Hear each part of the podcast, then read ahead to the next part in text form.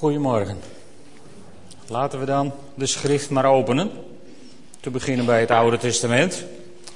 In Ezekiel 16.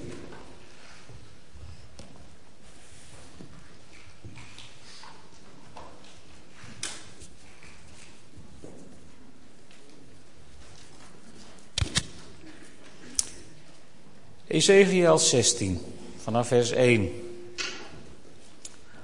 God de Heer richtte zich tot mij, zegt Ezekiel. Mensenkind, je moet Jeruzalem haar gruwelijke gedrag voor de voeten werpen. Dit zegt God de Heer tegen haar. Van oorsprong ben je een Canaanitische. Je werd geboren uit een Amoritische vader en een Hethitische moeder. Op de dag dat je geboren werd, was er niemand om je navelstreng door te snijden of om je schoon te wassen. Niemand om je met zout in te wrijven of in doeken te wikkelen. Niemand deed een van die dingen voor je. Niemand keek naar je om. Niemand had medelijden met je. Op de dag dat je geboren werd, werd je ergens op een akker achtergelaten.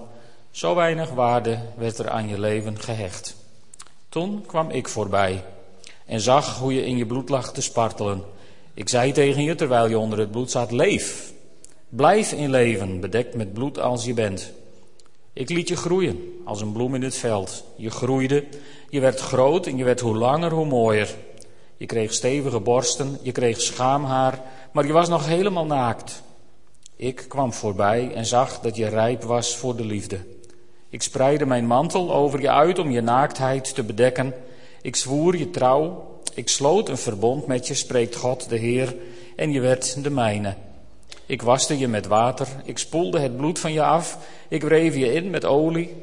Ik kleedde je in bonte kleuren, ik gaf je sandalen van zacht leer, een linnen, sluier en zijden doeken. Ik tooide je met sieraden, ik deed armbanden om je polsen en een ketting om je hals. Ik deed een ringetje door je neus, ik gaf je oorbellen en zette een prachtige kroon op je hoofd. En jij tooide je met al dat goud en zilver. Je kleren waren van linnen en zijde en hadden de mooiste kleuren. Je eten werd bereid met fijn meel, met honing en olie en heel, heel mooi werd je, als een koningin. Je was bij alle volken beroemd om je schoonheid. En je schoonheid was volmaakt, want ze kwam van mij, spreekt God de Heer. En dan gaan we door naar vers 59. Dit zegt God de Heer, door je niet te houden aan ons verbond heb je je eed gebroken en daarom zal ik je behandelen zoals je verdient. Toch zal ik aan dat verbond blijven denken. Het verbond dat ik met je gesloten heb in de dagen dat je nog jong was. Daarom zal ik nu een verbond met je sluiten dat eeuwig zal duren. Als je grote en je kleine zusters weer bij je komen, zul je over je gedrag nadenken en je ervoor schamen. Je zult ze van mij als dochters krijgen, al maken zij van het verbond geen deel uit. Als ik mijn verbond met jou heb gesloten, zul je beseffen dat ik de Heer ben en overdenken wat je gedaan hebt. Je zult je schamen en zwijgen omdat je vernederd bent, maar ik vergeef je alles wat je hebt gedaan. Zo spreekt God, de Heer. Natuurlijk is dit een profetie over het oude volk Israël. Maar zoals ik wel vaker heb gezegd, dit soort profetieën voor het volk Israël, die kun je ook heel persoonlijk maken. Heel persoonlijk gewoon op jezelf betrekken. En eigenlijk heeft Paulus dat voor ons gedaan in dit geval. En daarom wil ik nu met jullie naar het Nieuwe Testament, naar Efeze 2.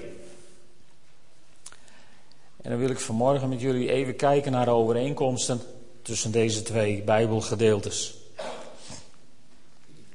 Efeze 2, ook vanaf vers 1. U was dood door de misstappen en zonden waarmee u de weg ging van de God van deze wereld.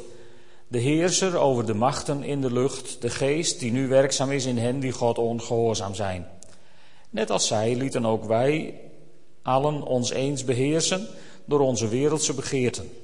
Wij volgden alle zelfzuchtige verlangens en gedachten die in ons opkwamen en stonden van nature bloot aan Gods toorn, net als ieder ander.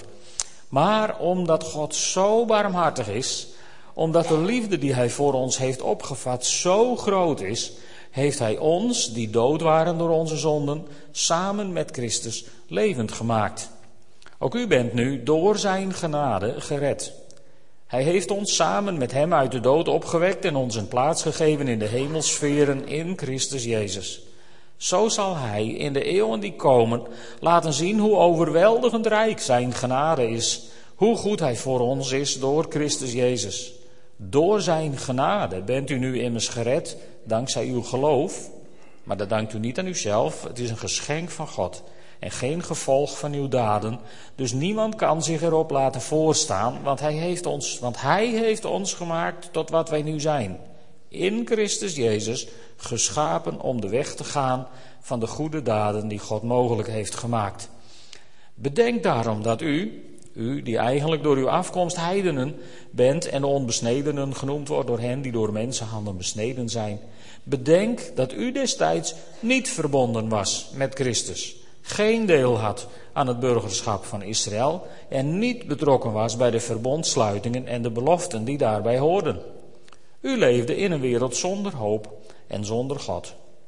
Maar nu bent u, die eens ver weg was, in Christus Jezus dichtbij gekomen, door zijn bloed. Want hij is onze vrede. Hij die met zijn dood de twee werelden één heeft gemaakt de muur van vijandschap ertussen heeft afgebroken en de wet met zijn geboden en voorschriften buiten werking heeft gesteld om uit die twee in zichzelf één nieuwe mens te scheppen. Zo bracht hij vrede en verzoende hij door het kruis beide in één lichaam met God, door in zijn lichaam de vijandschap te doden.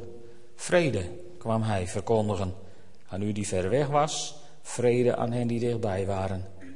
Dankzij Hem hebben wij allen door één geest toegang tot de Vader. Zo bent u dus geen vreemdelingen of gasten meer, maar burgers, net als de heiligen en huisgenoten van God. Gebouwd op het fundament van de apostelen en profeten, met Christus Jezus zelf als de hoeksteen. Vanuit Hem groeit het hele gebouw steen voor steen uit tot een tempel die gewijd is aan Hem, de Heer, in wie ook u samen opgebouwd wordt tot een plaats waar God woont door zijn geest. Twee verhalen uit het Oude en uit het Nieuwe Testament die zo verbijsterend veel op elkaar lijken. Het is bijna te mooi om waar te zijn. Laten we eens kijken.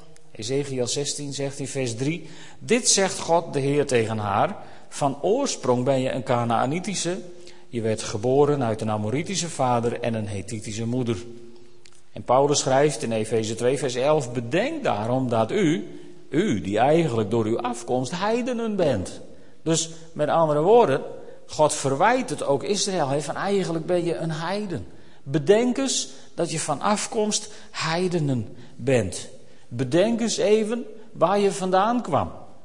Soms kan het zo, zo verfrissend zijn in je relatie met God, dat je eens even bedenkt waar je vandaan komt. Waar je geweest zou zijn zonder God. En dat doet dan iets in je hart, tenminste in mijn hart, doet dat dan iets van verwondering naar God toe. En, en, en wekt het een stuk, stuk, ja, een stuk dankbaarheid op, een stuk bewondering voor wat God gewoon in je leven heeft gedaan. Bedenk eens waar je vandaan kwam. En dan, dan zegt hij in vers 12 van Efeze 2: U leefde in een wereld zonder hoop en zonder God. Hoe zou dat zijn? Een wereld zonder hoop en zonder God. Je kan eigenlijk maar één tekst in de Bijbel vinden die, die een beetje omschrijft hoe dat zou kunnen zijn. En dat is Genesis 1, vers 2. Waar staat de aarde was nog woest en doods. En duisternis lag op de vloed. Een wereld zonder hoop en zonder God. Zeker als je naar de twee Hebreeuwse woorden kijkt die, die daar worden gebruikt voor, voor woest en doods. In het Hebreeuws staat er over de aarde dat de aarde was tohu fabohu. En twee Hebreeuwse woorden waarvan eigenlijk niemand precies weet wat ze nu betekenen.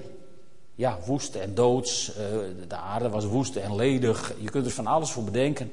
Maar eigenlijk zijn er twee woorden die, die, die, die, ja, die zou je kunnen samenvatten in onze woorden als hopeloos, hulpeloos, redeloos, radeloos, reddeloos. Nou, allemaal van die woorden waar je niet blij van wordt. En die je niet s'avonds moet repeteren voordat je gaat slapen. Want dan heb je alleen maar nachtmerries van dit soort woorden. Nou, zo was de aarde. De aarde zonder het licht van God is een nachtmerrie. En volgens mij is de aarde voor de meeste mensen die leven zonder God nog steeds een nachtmerrie. De meesten hebben dat niet in de gaten. Want je kunt nachtmerries heel mooi versieren en heel mooi compenseren met allerhande wereldse en aardse toestanden. Maar het blijven nachtmerries. En in Ezekiel 16 wordt die situatie een beetje omschreven. Vers 4. Op de dag dat je geboren werd was er niemand om je nagels streng door te snijden of om je schoon te wassen. Niemand om je met zout in te wrijven of in doeken te wikkelen. Niemand deed een van die dingen voor je. Niemand keek naar je om. Niemand had medelijden met je. Op de dag dat je geboren werd, werd je ergens op een akker achtergelaten. Zo weinig waarde werd er aan je leven gehecht.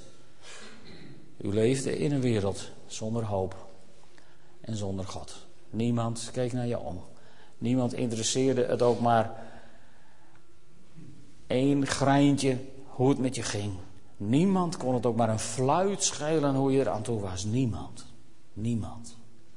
Woest en ledig, duisternis heerste over de vloed. Moet je het nog plastischer omschrijven als dit? En dan denk ik aan, aan de mensen van vandaag. Hoeveel afwijzing hebben sommige mensen achter de kiezen? En ook, ook hier, ongetwijfeld. Hoeveel afwijzing heb je achter de kiezen? Hoeveel gevoel van eigenwaarde heb je nog overgehouden nadat je was uh, opgegroeid, groot geworden? Wat was er van je over toen je volwassen was geworden? En dan zijn de mensen bij, er is niet veel meer van heel. Op het moment dat ze volwassen worden. Maar dan staat hier iets heel bijzonders in vers 6. Moet je eens kijken in vers 6. Het is een zinnetje dat heeft me de hele week bezig gehouden. Het leven kan nog zo hopeloos zijn en het kan er nog zo waardeloos uitzien. Maar dan zegt God in vers 6: En toen kwam ik voorbij. Toen kwam ik voorbij. Toen kwam ik voorbij in jouw leven. Toen kwam ik voorbij en ik zag. En ik zei tegen je: Leef. Ken je zulke momenten in je leven? Misschien denk je, nou, God is er toch altijd, hoe kan God nou voorbij komen? Nou, daar wil ik het nu even helemaal niet over hebben. God is er altijd, dat weet ik ook wel, maar soms, meestal, meestal merken wij dat niet. Meestal voel je dat niet, dat God er is, maar soms komt God voorbij in je leven. En ervaar je zijn aanwezigheid in al zijn volheid. En, en daar gaat dit volgens mij over. God zegt, toen kwam ik voorbij en ik zag en ik zei, ik sprak. God sprak en God sprak, leef, leef, zei hij tegen dit mensenkind waar het in dit verhaal over gaat, leef. Blijf in leven, bedekt met bloed zoals je bent. Met andere woorden, de omstandigheden werden direct niet veranderd, maar God sprak in, in de situatie. En God zei, hé, hey, hallo, leef, come on, leef, leef mensenkind. Leef. Toen kwam ik voorbij. En, en, en de schrijver van de Efezebrief, ja, die vult dat in, hoe dat werkt. Die zegt maar omdat God zo barmhartig is, omdat de liefde die Hij voor ons heeft opgevat zo groot is, heeft Hij ons, die dood waren door onze zonden, samen met Christus levend gemaakt. Ook u bent door Zijn genade gered. Hij heeft ons samen met Hem uit de dood opgewekt en ons een plaats gegeven in de hemelsferen in Christus Jezus. Zo zal Hij in de eeuwen die komen laten zien hoe overweldigend rijk Zijn genade is. Hoe goed Hij voor ons is door Christus Jezus. Door Zijn genade bent u nu immers gered. Dankzij uw geloof. Dankt u niet aan uzelf, het is een geschenk van God en geen gevolg van uw daden. Dus niemand kan zich erop laten voorstaan. We kunnen nooit zeggen, nou toen kreeg ik een goed idee en toen heb ik verandering gebracht in mijn situatie. Kijk mij, kijk eens wat ik heb bereikt in het leven. Nee, nee, nee, nee. God zegt, hallo, hallo, zo ging het niet. Toen kwam ik voorbij. Ik kwam voorbij, zegt God. Ik kwam voorbij in jouw leven. En ik sprak in in jouw leven. En als God inspreekt in jouw leven, dan zegt God altijd: leef. En als God u gebruikt om in te spreken in een mensenleven, als God iemand op jouw weg brengt die, die in deze situatie is, hulpeloos, hopeloos, radeloos, redeloos, reddeloos. Als God zo iemand op je weg brengt, dan wil God door jou inspreken in een mensenleven. En dan wil God tegen jou, door jou heen, tegen die mens, tegen dat mensenkind zeggen: Hallo, leef. Kom op, leef. En misschien denk je dan wel, ja, maar mijn situatie, mijn situatie. En weet je, God, God ziet je situatie. God kent je situatie. En, en om, om, om ons onbekende redenen doet hij niet altijd in de situatie wat wij graag zouden willen. Maar wat hij wel doet, is hij spreekt leven in jouw situatie. En, dan gebeuren er van die vreemde dingen. Dan is ineens is die situatie niet meer overheersend. Ineens is die situatie niet meer datgene waar het om draait. Ineens is die stem van God die gezegd heeft: hey, leef. Dat is ineens de kern geworden waar het om draait in je leven. En dan kun je als mens situaties aan die je van tevoren niet aankon. Dan kun je ineens situaties aan waarvan als je er nu aan denkt van, oh, zou ik dat wel kunnen? Lieve mensen, sommige mensen maken zich vreselijk zorgen. En stel dat er vervolging komt, zou ik dat wel kunnen? Stel dat, zou ik dat wel kunnen? Nou, ten eerste moet je niet te veel stellen. Op zijn Fries gezegd staat er ook in de Bijbel, dus is net stellen, dus dat moet je gewoon niet doen. Maar stel nou dat je in zo'n situatie komt, hè? dan kun je nu wel denken: zou ik de kracht hebben om dat te kunnen? Nou, het antwoord is heel simpel. Het antwoord is nee. Op dit moment niet. Maar mijn ervaring is zo langzamerhand dat als je in die situatie terechtkomt, dan is daar die bovennatuurlijke aanwezigheid van God. Want dan zegt God, en toen kwam ik voorbij. En ik zag je situatie en ik zei, leef. En dan leef je in die situatie. Man, wat een God hebben wij. Wat een God die voorbij komt en die zegt, leef. En dan in vers 7 van, van Ezekiel 16 zegt God, ik liet je groeien als een bloem in het veld. En in Efeze 2, vers 10, dan zegt Paulus, want hij heeft ons gemaakt tot wat wij nu zijn. Klein voorschotje is dat op het, op het maandthema, wat we natuurlijk volgende week echt gaan introduceren. Maar dit is zo belangrijk om, om, om vast te houden met of zonder thema. Ik liet je groeien, zegt God. Ik liet je groeien. Als jij groot wordt, en, en ik wil hier zitten nog genoeg tieners tussen ons die nog in de groei zijn. Ja, je wordt groot, dat overkomt je, hè? Overkomt je. Je denkt nooit s'morgens van nou hoeveel centimeter zullen we vandaag eens doen. Nee, het overkomt je. Het gebeurt met je. Je lijf wordt tot wat het wordt. En God heeft daarin de regie. Want hij wist wat het zou worden voordat je geboren werd. Mooi hè? En God zegt, ik liet je groeien. Ik laat je groeien. En ik ga jou maken tot wat ik wil dat jij bent. Dus als je als je voor situaties zit waarin je misschien denkt: Oh, hoe ga ik het halen? Hoe ga ik het doen? Nou, misschien wel helemaal niet. Maar God zegt: Ik ga jou maken tot wat ik voor jou op het oog heb. Mag ik even de regie in deze situatie? Eigenlijk is dat de vraag die God daarbij dan ook stelt. En dan gaat het verder, vind ik Heel mooi. Ik heb als thema boven de preek gezet vandaag rijp voor de liefde.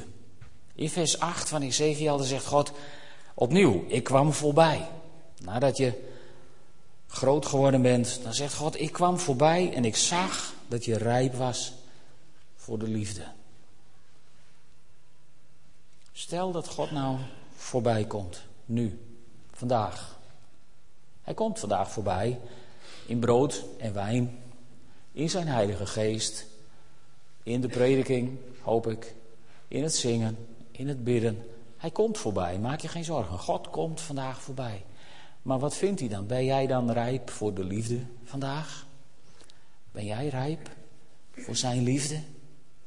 Is jouw hart open om hem binnen te laten? Hoe rijp zijn we soms voor de liefde? Want wat gebeurt er? Ik zag dat je rijp was voor de liefde. En dan zegt hij: Ik spreide mijn mantel uit, over je uit, om je naaktheid te bedekken.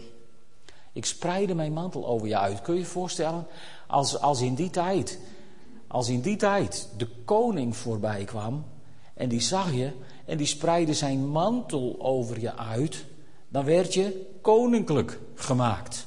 Kijk maar naar Jozef bijvoorbeeld. Toen hij bij de farao was geweest, kreeg hij een mantel van farao kreeg hij aan. Kijk maar naar, naar uh, uh, het, het, verhaal van Esther. Hè? Als Haman uh, moet aangeven bij de koning wat de koning moet doen met iemand die die buiten gewoon wil eren, dan zegt Haman hij moet de tweede mantel van de koning moet hij mogen dragen.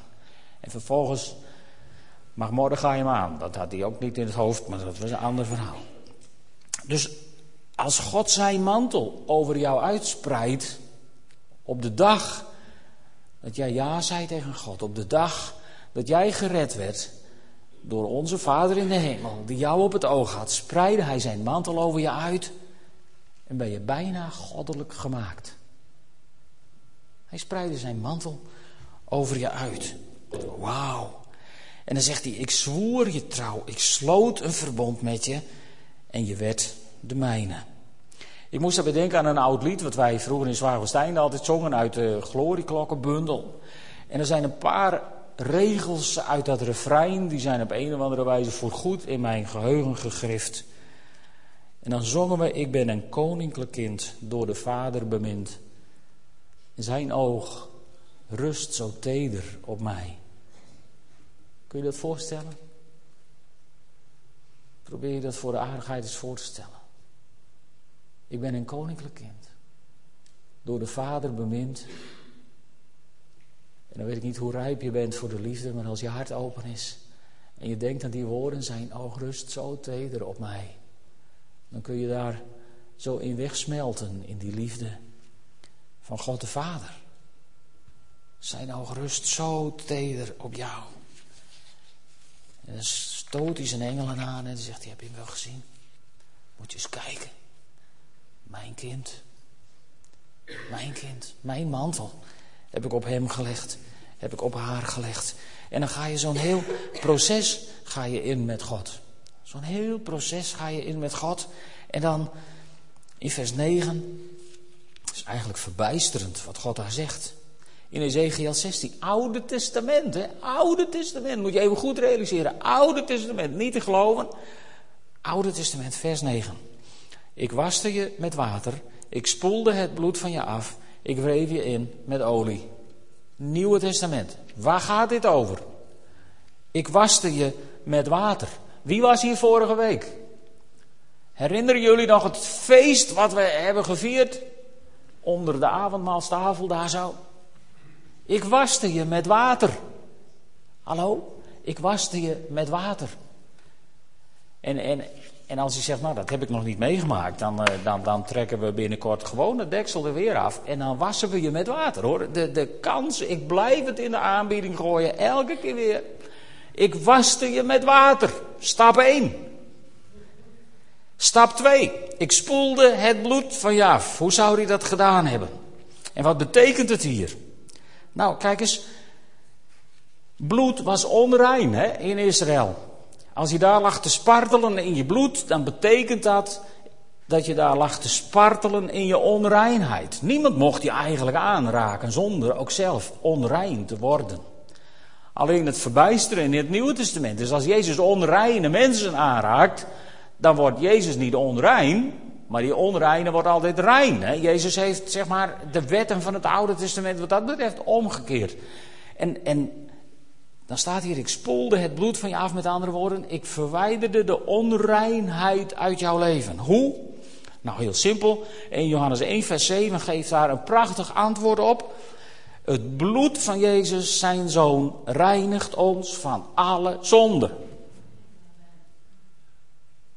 Ik kan het zo mooi niet zeggen hoor. Ik lees het maar gewoon voor uit de Bijbel. Want het is zo duidelijk. En ik hoop dat je dat beleeft als we zo meteen avondmaal vieren. En als je uit de beker drinkt, die, die toch het symbool is van het nieuwe verbond in het bloed van Christus. Dat je weet, het bloed van Christus reinigt mij van alle zonde. Yes. Wauw. Geweldig. En dan staat er, ik wreef je in met olie. In mijn simpliciteit is, is olie nog altijd het beeld van de Heilige Geest. En dan moet je kijken, Oude Testament. Ezekiel 16, verhaal wat je misschien wel nooit leest. Bijna nooit leest. En dan lees je, hier staat het hele christelijke recept. Je laat je dopen, je wordt gereinigd door het bloed van Jezus Christus en je wordt vervuld door de Heilige Geest van God de Vader. Dat is wat hij met je doet. Toen kwam ik voorbij en ik zag in wat voor situatie je was en ik zei tegen je leef. En toen heb ik je gereinigd in het waterbad. En vervolgens heb ik al je ongerechtigheden van je afgenomen door het bloed van mijn zoon Jezus Christus. En ik heb je vervuld met mijn Heilige Geest, spreekt God. Wauw, geweldig. Geweldig, wat een rijkdom. En die rijkdom die wordt, die wordt eigenlijk in een metafoor omschreven in de volgende versen. Waar God zegt, ik tooide je met sieraden, ik deed armbanden om je polsen en een ketting om je hals. Ik deed een ringetje door je neus, ik gaf je oorbellen en zette een prachtige kroon op je hoofd. Wauw. Ik heb je koninklijk gemaakt, zegt God hier. Ik heb je met al die koninklijke sieraden, die heb ik je allemaal gegeven. En dan staat er, en jij tooide je met al dat goud en zilver. Met andere woorden, hier komt je eigen verantwoordelijkheid heel even om de hoek. Je moet ze wel aantrekken. Je moet het wel willen en je moet wel aannemen wat God je dan allemaal geeft. En jij tooide je met al dat goud en zilver. En je kleren waren van linnen en zijde en hadden de mooiste kleuren. Je eten werd bereid met fijn meel, met honing en olie. En heel, heel mooi werd je als een koningin. Wauw. Geweldig, vers 7 van Efeze 2. Zo zal hij in de eeuwen die komen laten zien hoe overweldigend rijk zijn genade is. Hoe goed hij voor ons is door Jezus Christus. Die God dienen wij. Dan moeten jullie niet zo ernstig bij kijken naar mij. Dat zou op zijn minst een glimlach op je gezicht moeten toveren. Zo goed is God voor jou en voor mij. Halleluja. Dat is de God die wij dienen.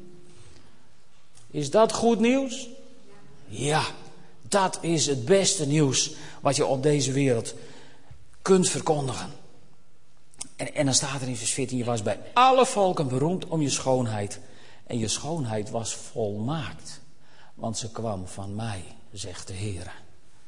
Dus als je nou vandaag toevallig nog een keer voor de spiegel komt, en anders misschien morgen vroeg, dan moet je dus niet denken van oeh dit en oeh dat, maar dan moet je gewoon jezelf eens recht in de ogen kijken. En dan zeg je, oh prijs de Heer, mijn schoonheid is volmaakt. Want ze komt van God, de Heer. Halleluja.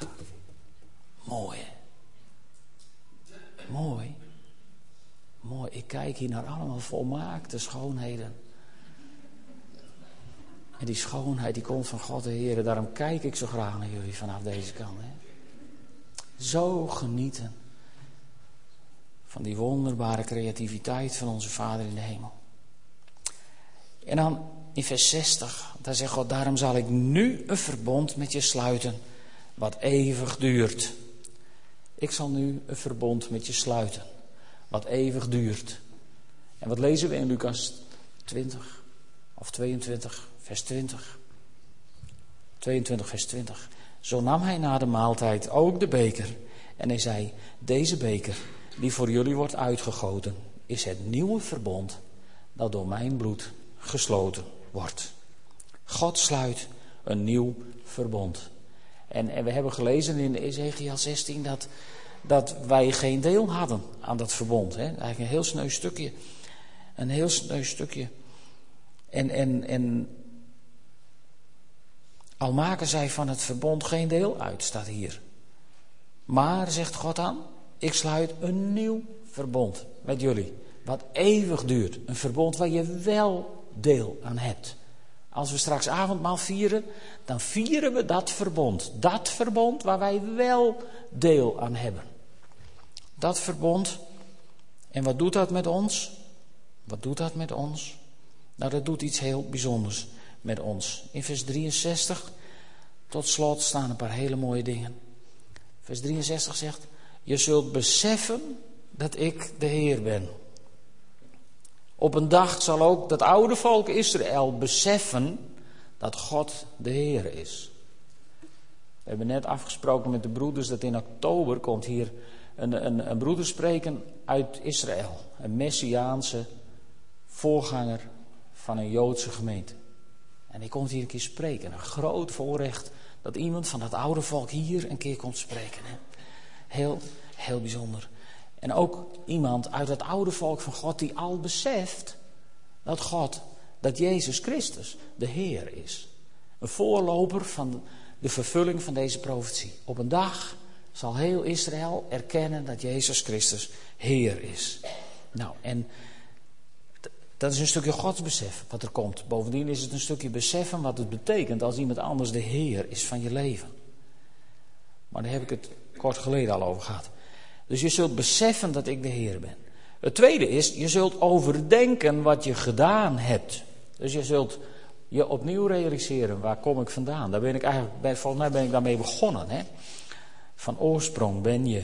Waar kom je vandaan? Nou, je zult overdenken waar je vandaan komt.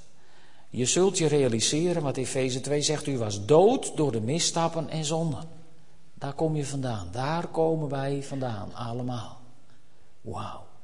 Ernstig. Daar komen wij vandaan. Maar, zegt God dan, ik vergeef je alles wat je hebt gedaan.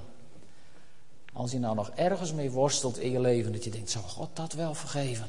Dan moet je gewoon dit Bijbelvers even helemaal onderstrepen en opschilderen en om mij overschrijven op een groot stuk papier.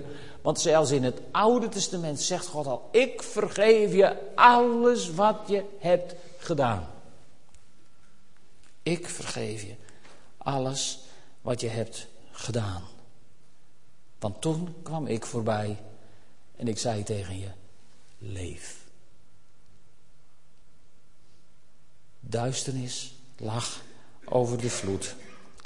En God zeide: er zij licht. En er was licht. Ik kwam voorbij en ik zei tegen je: leef. Zullen we samen